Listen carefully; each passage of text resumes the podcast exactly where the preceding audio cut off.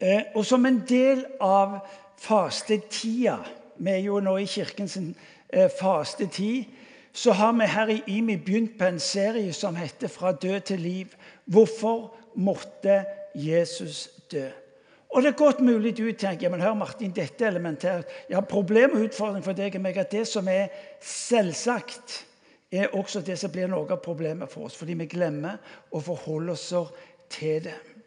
Eh, Elling starta sist uke med noe av vandringen eh, som Jesus begynner på eh, etter at han forlater disiplene. Etter at de har vært sammen og spist. Og så leser vi om at han går ut i mørket og ensomheten. Og så eh, møter vi et vitnesbyrd om en Gud som handler inn i denne verden. I dag så skal vi gå videre i denne prosessen. Og Vi skal lese, vi kan ikke lese alle versene, men jeg skal hente ut to setninger. fordi det er, de, det er de to setningene som jeg opplever taler sterkest til meg i denne teksten. Eh, du kan lese når du kommer igjen fra Matteus kapittel 26, fra vers 47. Jesus har altså sammen med disiplene spist det siste måltidet. De drar ut i Getsemane, og han blir tatt til fange. Han møtes der av Judas med soldater og blir tatt til fange. Fra hagen Getsemane tas han til et møte med Det høye råd, dvs. Si presteskapet, eh, jødenes ledere.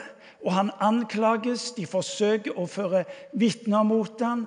Vitnene stemmer ikke, og det ender opp med at de stiller han direkte spørsmål som, hvor Jesus var kvalifisert til død.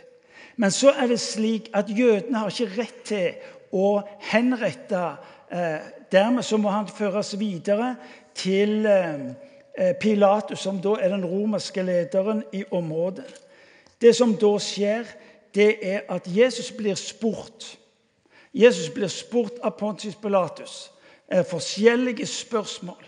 Og Det interessante er det er ikke antydning hos Jesus til å skulle si ting som på et vis forklarer.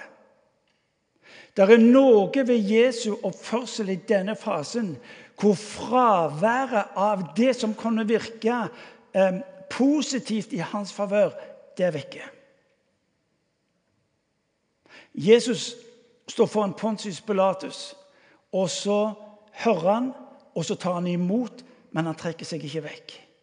Og så er avslutningen på denne del av eh, samtalen Jesus sa med Pilatus, det at Pilatus vasker sine hender og så sier han, jeg vil ikke ha noe med dette å gjøre.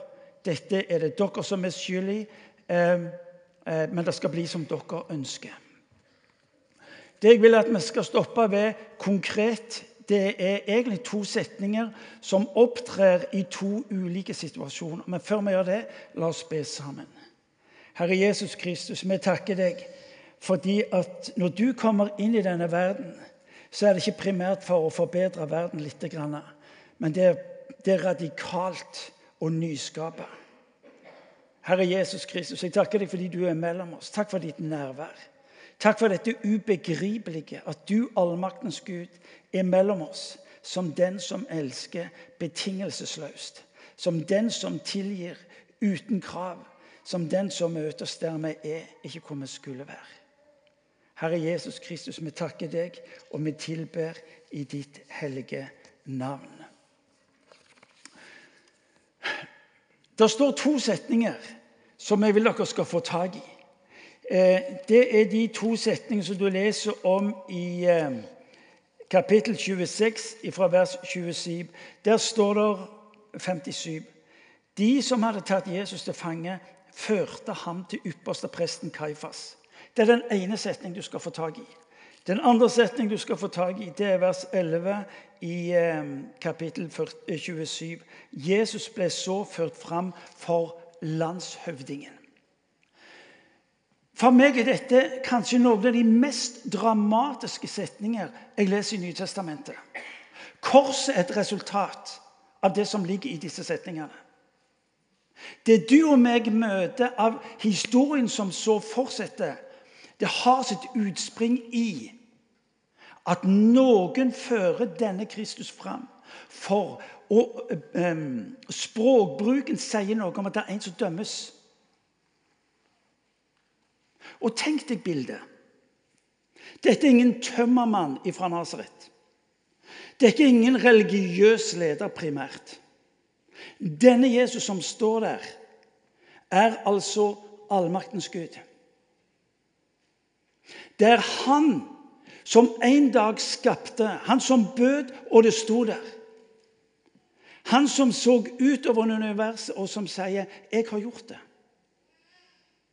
Han som har opprettholdt og opprettholder denne verden. Han er det som står foran Kaifas og foran Pontius Pilatus. Hvis du og meg skal forstå innholdet i evangeliet, så er du og meg nødt til å forstå hvem som egentlig er ført fram for Kaifas og Pilatus. Hvis ikke så gir det ikke mening, det som følger seinere. La oss ta en parentes. En eh, dag for en god del år tilbake så eh, hadde jeg en lengre samtale med en ung kvinne. Jeg var ung den gangen. Hun var heftig i sin argumentasjon. Hun var hissig på alt som hadde med Jesus og kristendom å gjøre, og rimelig heftige argumenter. Og så husker jeg henne at hun sa ja, men hvorfor i all verden eh, gjør ikke Gud slutt på ondskapen i denne verden? Hvis han elsker denne verden, hvorfor gjør han ikke slutt på denne ondskapen i denne verden? Så tenkte jeg der, der fanger du deg sjøl. Så jeg tenkte ja vel. Eh, om nå Gud skulle gjøre slutt på all ondskap i denne verden All ondskap. Hva er ondskap? De stygge ordene, de uakseptable tankene holdningene, det jeg gjør. Uansett, uansett nivået av dette. Hvis Gud skulle altså slutte, eh, kvitte seg med all ondskap i denne verden, så spør jeg denne da, Hvis det var konsekvensen, hvis det er det du ber Gud om å gjøre, hvor hadde du vært henne i det øyeblikket han gjorde det? Og så var det akkurat som det gikk sånne drag over fjeset på denne dama. Og så sa jeg da ville jo jeg vært død. Da ville ikke jeg ha vært der lenger. Nei. Når Gud handler inn i denne verden, så handler han inn i denne verden på en måte som ikke eh, tar livet av, men som gir liv. Det første jeg vil du skal få tak i i dag Når du møter denne Kristus som er ført fram for, så møter du primært en Gud som ikke forkaster. Kristendommens dypeste budskap er at Gud forkaster ikke. Av og til så tenkte jeg Gud, det måtte jo vært mye enklere om du nå egentlig sånn kvitta deg med all denne rapen som kalles for menneske. Det er en del mennesker som ikke tror på syndefallet. og Som en god venn av meg sa når du ser på denne verden vi lever i, hvordan er det mulig å ikke tro på syndefallet? Hvis nå Vår Herre skulle kvitte seg med all denne rapen, som synes å være spesialister på å skape sårhet, ondskap, nød, død, krig. Og så kan vi ramse opp alt det der. Hvorfor i all verden kvitter han seg ikke med hele greia og begynner på nytt? Har du tenkt på det? Tenk tanken. Religionene sier hvis du ikke oppfølger loven, så er du ferdig. Hvis du ikke oppfyller det som er kravene for å nå et visst nivå, så ender du opp som et eller annet i den neste verden. Du, du betaler. Forkastelsen fra religionene er at du når feil nivå i neste verden. Hvorfor i all verden? Hvorfor i all verden bringer ikke Bibelen oss et budskap som på et vis ansvarliggjør på en slik måte at du er ferdig hvis du ikke opprettholder og fullføre det som er kravet. Det første jeg vil du skal få tak i i kveld, i dag, Stiv Gud forkaster ikke. Det er evangeliets dypeste hemmelighet, folkens. Gud forkaster ikke. Han kunne ha begynt på nytt, han kunne ha utsletta mennesket. Istedenfor så hører du han si For så høyt elsker jeg menneske. At jeg gir min sønn den enbånd for at hver den som tror på ham, ikke skal gå fortapt, men ha evig liv. Dette har noe med mysteriet å gjøre, folkens. Dette har noe med det ubegripelige å gjøre. Skal jeg si deg noe? Dette fatter jeg ikke. Hvorfor i all verden begynner han ikke på nytt? Men det er altså oppstått et kjærlighetsforhold mellom allmaktens Gud og mennesket som er av en sånn karakter at jeg kan jo Hvordan kan jeg glemme deg? Hvordan kan jeg gi opp? Grunnleggende er Guds holdning er at han alltid begynner på nytt. Jeg vet ikke hvor du er i ditt liv, men det jeg vet, at han begynner på nytt. Det ord han hele veien vender tilbake igjen når han snakker til Israels folk. det, Hvordan kan jeg glemme deg? Profeten Oseas sier i kapittel 11 hvordan kan, jeg, hvordan kan jeg glemme deg? Hvordan kan jeg gi deg opp? I pottemakerens eh, profeten, profeten Jeremias eh, han er fortvila over folket som har vendt Gud ryggen. Og så sier Gud, 'Dra ned til pottemakerens hus, og så skal jeg vise deg hvordan jeg handler.' Og så får profeten en demonstrasjon på hvordan Gud handler, der han ser pottemarken som holder på å dreie. Og så lyder det, det Det går i stykker. Det går ikke som pottemakeren hadde planlagt. Men så begynner han på nytt. Når du hører om denne Kristus som føres fram for Kaifas og Pilatus, så hører du om en Gud som ikke forkaster. Han begynner på nytt. Hvorfor måtte Jesus dø? Fordi at du og meg skulle få lov til å begynne på nytt. Kom an!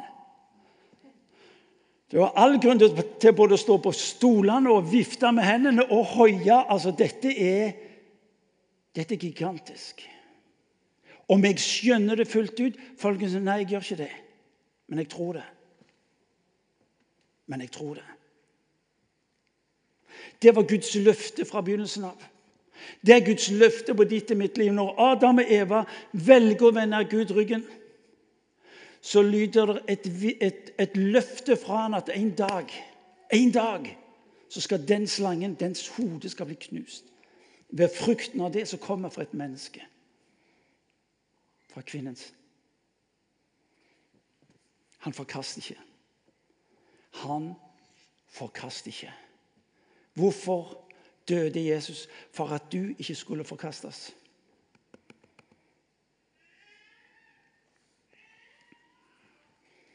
Gud har gitt et løfte. Gud har gitt et løfte som han ikke bryter på ditt og mitt liv. Gud trekker seg ikke ut. Det står i slutten av romerbrevet, noen av dere vet det, for dere har hørt meg si det mange ganger.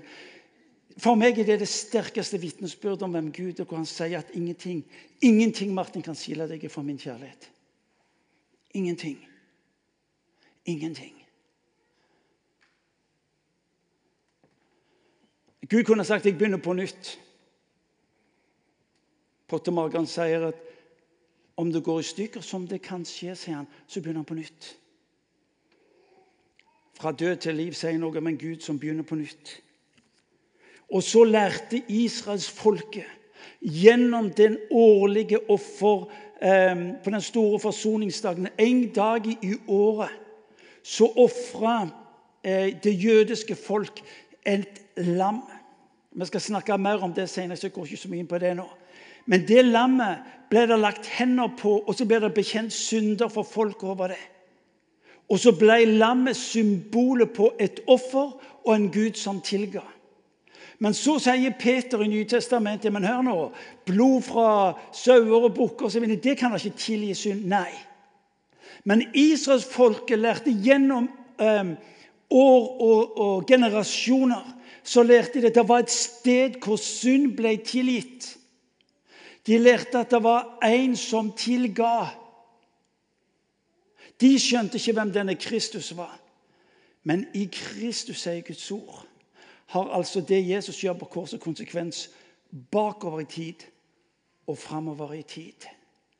Han holder sin pakt. Når Jesus dør, og han dør på korset, så er det en påminnelse om en Gud som både ser eh, bakover og framover, og ved korset har han, sier Bibelen, en gang for alle En gang for alle eh, sona for din og min synd. Og det er interessant at når da Johannes, Du leser om dette i Johannes evangeliet kapittel 1, vers 29, så står det at når, Jesus, når, når Johannes, døperen Johannes ser Jesus, så sier han Se der Guds lam som bærer verdens synd. Johannes tar på et vis og knytter den gamle offertradisjonen med situasjonen i dag og konsekvensen fra tida som kommer. Johannes visste hva som var vanlig hvert enda år når ypperstepresten la sine hender og bekjente syndene på offerlammet. Og Når han ser Jesus, så sier han seg der Guds lam som bærer verdens synd. Hvem er han som dør? Allmaktens Gud. Kristendom gir mening når vi ser hvem Jesus er, hvem han var, og hva han gjorde. Men den blir også, om du skal få tak i dette, hvem du og jeg er. Jesus, Gud selv, møter deg og meg, synderen, fortaptheten som er i ditt og mitt liv. Han møter deg med sin fullkommenhet. Eh, han møter deg eh, i din ufullkommenhet. Han møter mennesket i sin ufullkommenhet. Menneskets fortapthet, hør nå, er ikke hva det gjør, men hvem det er, og hvor det er. En gang til. Menneskets fortapthet er ikke hva det gjør, men eh, hvem det er, og hva det gjør. Eh, synd er å bli værende synd å bli værende i sin holdning overfor Gud. Vi ser på de konkrete tingene. De konkrete tingene er bare en konsekvens av vår holdning. Synd er å bli værende i sin holdning og stilling og om du vil fortapthet overfor Gud. Du er ikke en synder fordi du synder, men du synder fordi du er en synder. En gang til. Du er ikke en synder fordi du synder. Du synder fordi du er en synder. Innenfra kommer det stoffet, sier Bibelen. Synd er å velge Gud bort i livet og for evigheten. Følgende av synd Bare kort. Følgene av synd det er at synden forurenser. Du leser om det i Markus evangeliet kapittel 7, vers 20. Eh, Jesus er innenfra kommet. Og så er det ondskapen, mord, ødeleggelse, løgnen, tyveriet også innenfra. Synd forurenser. Du og meg trenger ikke være særlig oppegående. Det er bare å våge å åpne, ha åpne øyne, så ser vi denne verden. At det er noe som skapes. Vi produserer. Vi produserer det som skaper konflikt. Syndens makt, den som gjør synd, sier Jesus i Johannes evangeliet. Den som gjør synd, er syndens trøll. Synd representerer makt. Synd representerer innflytelse. Altså det representerer forurensning, om du vil. Synd representerer makt, men synd representerer også straff. Syndens lønn er døden, sier Paulus i Romerbrevet kapittel 6, vers 23. Så det dramatiske i Jesajas 59 så står det at synden, sier profeten, har gjort skilsmisse mellom dere og deres Gud. Alvoret i synd, folkens. Alvoret i synd skjønner du ikke. Men når du ser prisen som betales, så forteller det deg noe om det dype, dype alvoret. Somerset Maugham, kjent engelsk forfatter, han sier det slik at hvis alle mine ord, hvis alle mine tanker, hvis alle mine handlinger åpenbare og skjulte, hvis alt det ble samla på en gang og lagt på bordet, ville jeg, blitt, ville jeg ha framstått som et monster. Somerset månen. Du og jeg har et altfor overfladisk forhold, et altfor lettvint forhold til synd. Somersett månen har rett når han sier at jeg ville ha fremstått som et monster. Ja, la, meg gjøre det, la meg gjøre det konkret. Ja, Men jeg er ikke så verst, Martin. Jeg er ikke så, nei, mulig du ikke så det. Men la oss nå si at du sa noe du ikke skulle ha sagt, som såra, skapte vondt eh, ble ikke godt for mennesker. En gang til dagen. Kanskje tenkte du noe som du visste dette var ikke rett, men du, du valgte å gjøre det likevel. Og så gjorde du en ting som du tenkte dette skulle ikke gjøres. Dette. Men du, du gjør kun de, hver, de, tre tingene hver dag. Ja, noen av oss ville sagt pent og pyntelig. Ikke dårlig, det der. Ja, Per årsbasis vil det være langt over 1000. Og hvis du lever minst like lenge som meg, så vil det kanskje omfatte en 40, 50, 60 da begynner plutselig bildet til Sommersøt Moen å gi mening. Men jeg tror at hvis vi bare fordeler dette langt nok utover, så er det ikke så gale. Oh no. Hver gang du og meg velger å synde, sier vi egentlig nei til Jesus. Det er alvoret. For alle, sier Bibelen, for alle har synda og mangler Guds kjærlighet. Det betyr eh, Guds nåde på livene. Romerbrevet 3,23. Det er viktig for deg og meg å få tak i dette. her. For vår forkynnelse om Gud som far Hvis vi tar fra oss dette, her, så skjønner vi ikke hvorfor og hvilken pris Gud som far betalte for at du og meg skulle få lov til å forstå at, han, at du og meg var hans sønner og døtre. Når du og meg snakker om Gud som far, må vi samtidig skjønne det er betalt en pris for ditt og mitt liv. Allmaktens Gud for retten. Hører du? Han skal dømmes. Jesus måtte ikke dø, men han valgte. Profeten, profetien i, hos profeten Jesajas 53 eh, Du må få den med, fordi den sier så sterkt eh, hvem han er, og hva han er mellom oss. Jesajas 53. Da står om han Eh, han skjøt opp som en spire for hans ansikt, eh, kapittel 53, vers 2. Han hadde ingen herlig skikkelse vi kunne se på. Ikke et utseende som vi kunne glede oss over. Han var foraktet, forlatt av mennesker, en mann av smerte, kjent med sykdom, en de skjuler ansiktet for. Han var foraktet.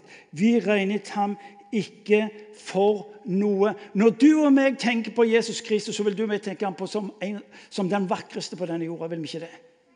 Når du og meg skal forestille oss bildet av Jesus Kristus, så vil vi se det bildet som noe av det vakreste på denne jorda. Vil vi ikke det? Mm -mm. Teksten sier han hadde et utseende som de vendte seg vekk ifra. Nå skal du ha noe. Han hadde et utseende. Vet du hvem det utseendet sitt var? Det var ditt utseende. Det var mitt utseende. For på han ble det åpenbart hvem du og meg er som mennesker.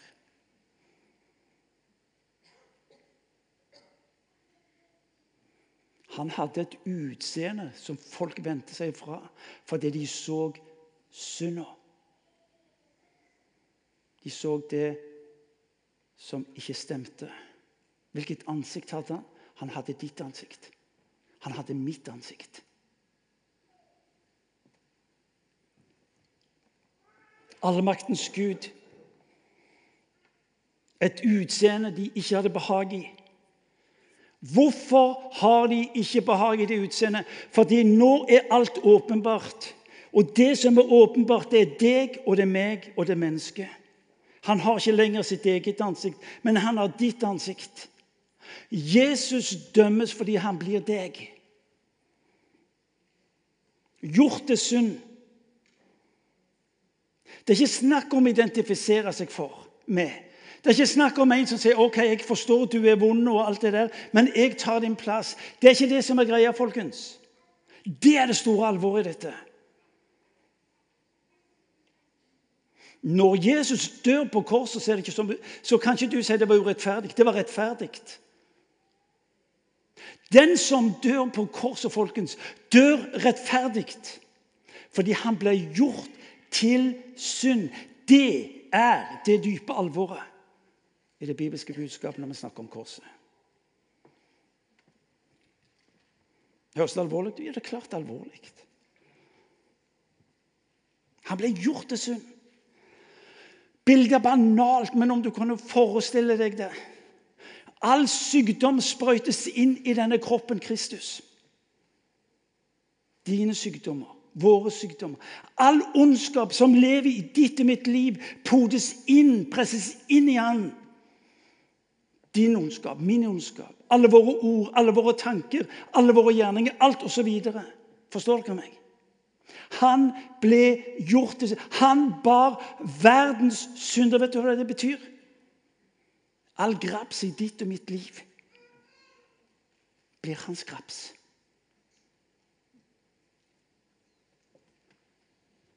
Det er ikke slik at det er egentlig en rettferdige som dør for den urettferdige. Den som dør, dør rettferdig, for han er blitt gjort til synd.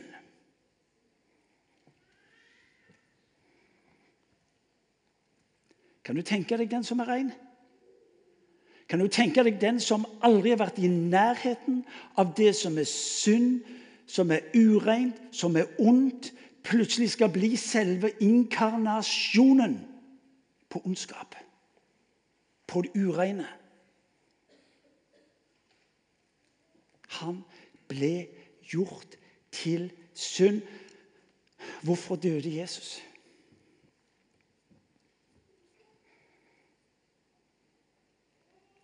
Han ikke bare tar min plass. Hør nå. Denne Kristus tar ikke bare min plass. Av det sier han døde for meg. Han tar ikke bare min plass, han blir meg. Han blir meg. Å, kjør, altså.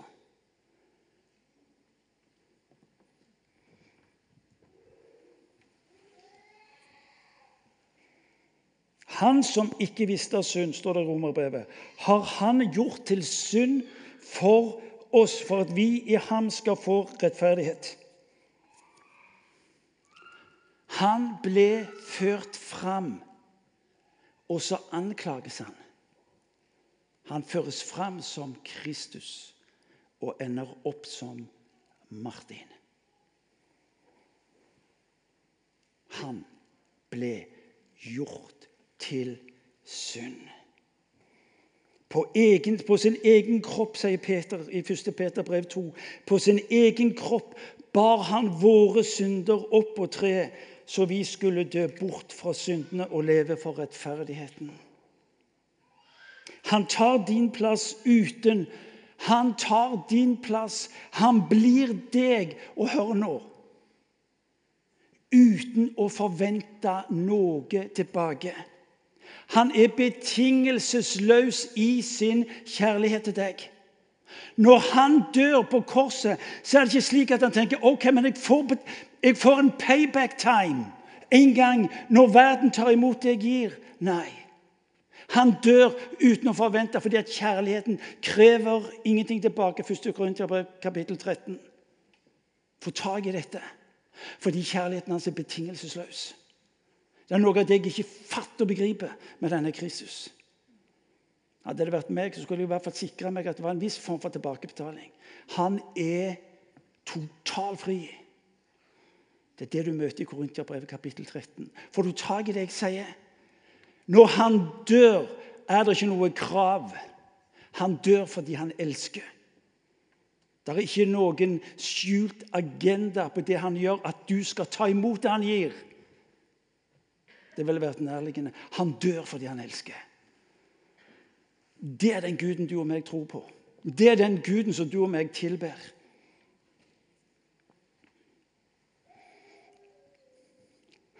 Han har ikke gjort sin frelsesgjerning betinget av vår respons. At han turde. At han turde! Mozart har i sin rekviem så nydelig sagt Husk, nådefulle Jesus, jeg er årsaken til at du kom. Husk, nådefulle Jesus, jeg er årsaken til at du kom.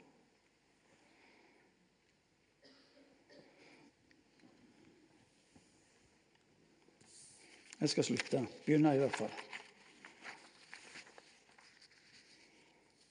Å dø for det noble, for det vakre, for det som har betydning og mening, det vil vi forstå. Men hans død omfatter alle mennesker, alle slags mennesker. Når du og meg er opptatt med å si ja, han, det er rett at han dør for den rettferdige, for den som har orden, som passer orden på livet sitt. Her skal du få utfordringen. Finn fram til de mest motbydelige menneskene du kjenner rundt deg her i landet. Finn fram til de mest motbydelige og voldelige og ondskapsfulle mennesker du finner i historien, som vil oppdage han dør for hver enkelt av dem. For hver enkelt av dem. Der du og meg er opptatt med å sortere, så sender det ingen sortering. Jeg dør for mennesket.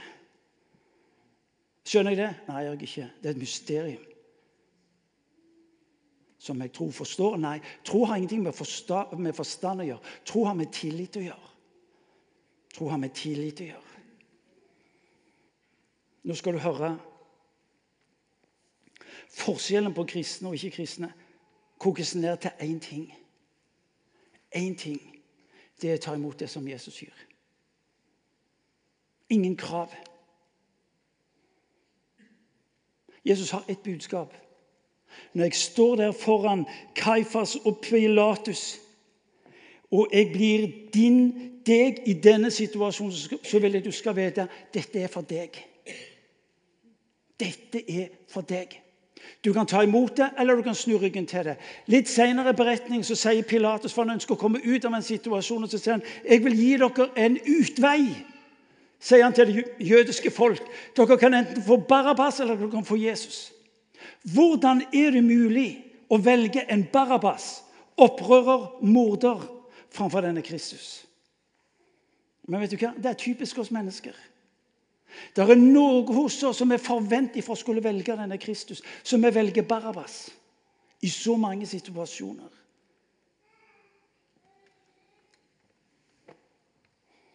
Forskjellen på kristne og ikke-kristne det er ikke at du og meg er bedre enn de.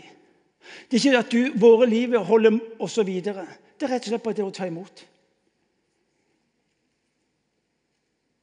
Å være en kristen er ikke et spørsmål om religiøse interesser, men hvor du vil tilbringe evigheten. Folkens, Og nå er vi med det som var Jesu mål.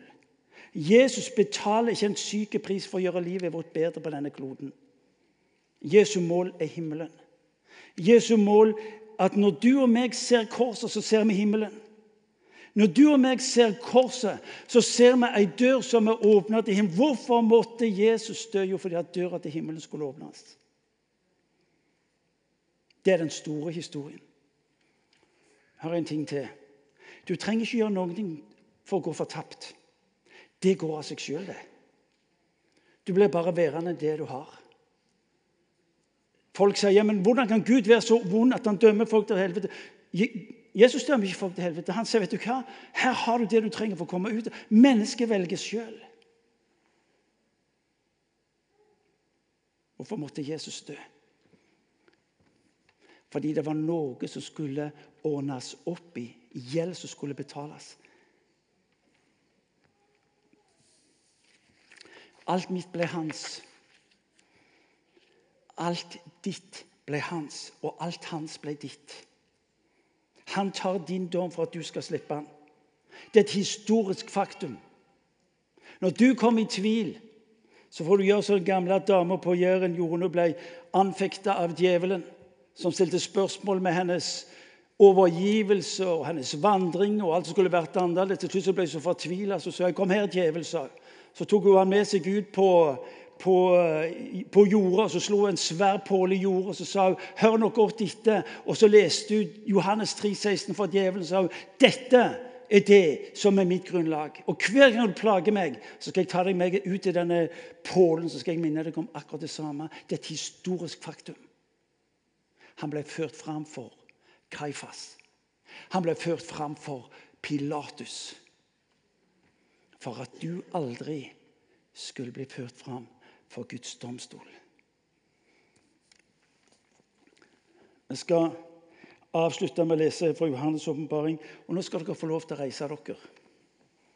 Fordi denne teksten tar oss med inn i en så dyp, dyp respekt for lammet som ble slakta.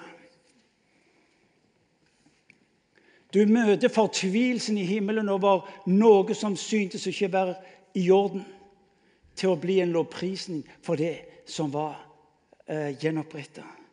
Og jeg så at han som satt på tronen, hadde en bokrull i sin høyre hånd.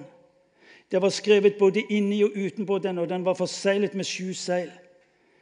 Da så jeg en mektig engel som ropte med høyrest, Hvem er verdig til å åpne boken og bryte seilene?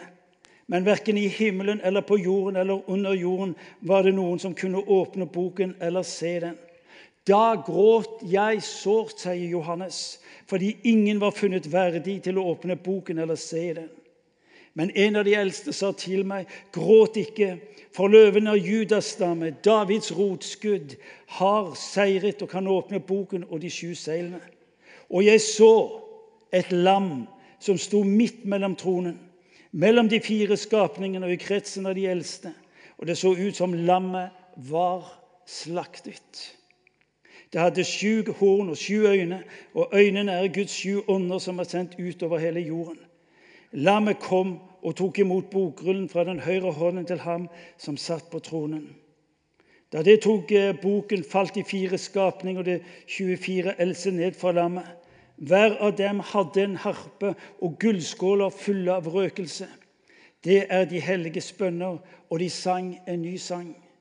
Verdig er du til å ta boken og bryte seilene på den, for du ble slaktet, og med ditt blod har du frikjøpt for Gud mennesker av alle stammer og tungemål og av alle nasjoner og alle folk og nasjoner. Du har gjort dem til et kongerike og til prester for vår Gud, og de skal herske som konger på jorden. Og se, og jeg hørte lyden av mange engler omkring tronen og de fire skapningene og de eldste. Det var myriader på myriader og tusener på tusener. De ropte med høy røst. Verdig er lammet som ble slaktet. Verdig til å få all makt og rikdom og visdom og styrke og ære og pris og takk og hver skapning i himmelen og på jorden og under jorden og på havet. Ja, alt som finnes i dem, hørte jeg si, ham som sitter på tronen, ham og lammet. Være takk og ære, pris og makt i all evighet.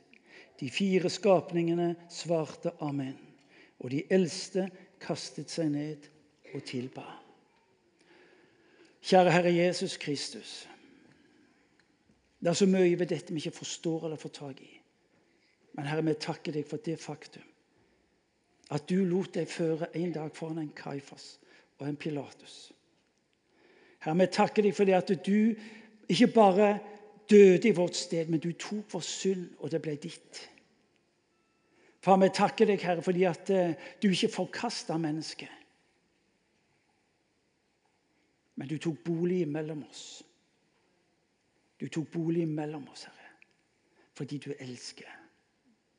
Og så ber vi Far om å få lov til å leve eh, et liv som både er omvendelsens verdig, Herre, men som også reflekterer din nåde på våre liv. Takk, Jesus, fordi at det var for oss du kom og døde.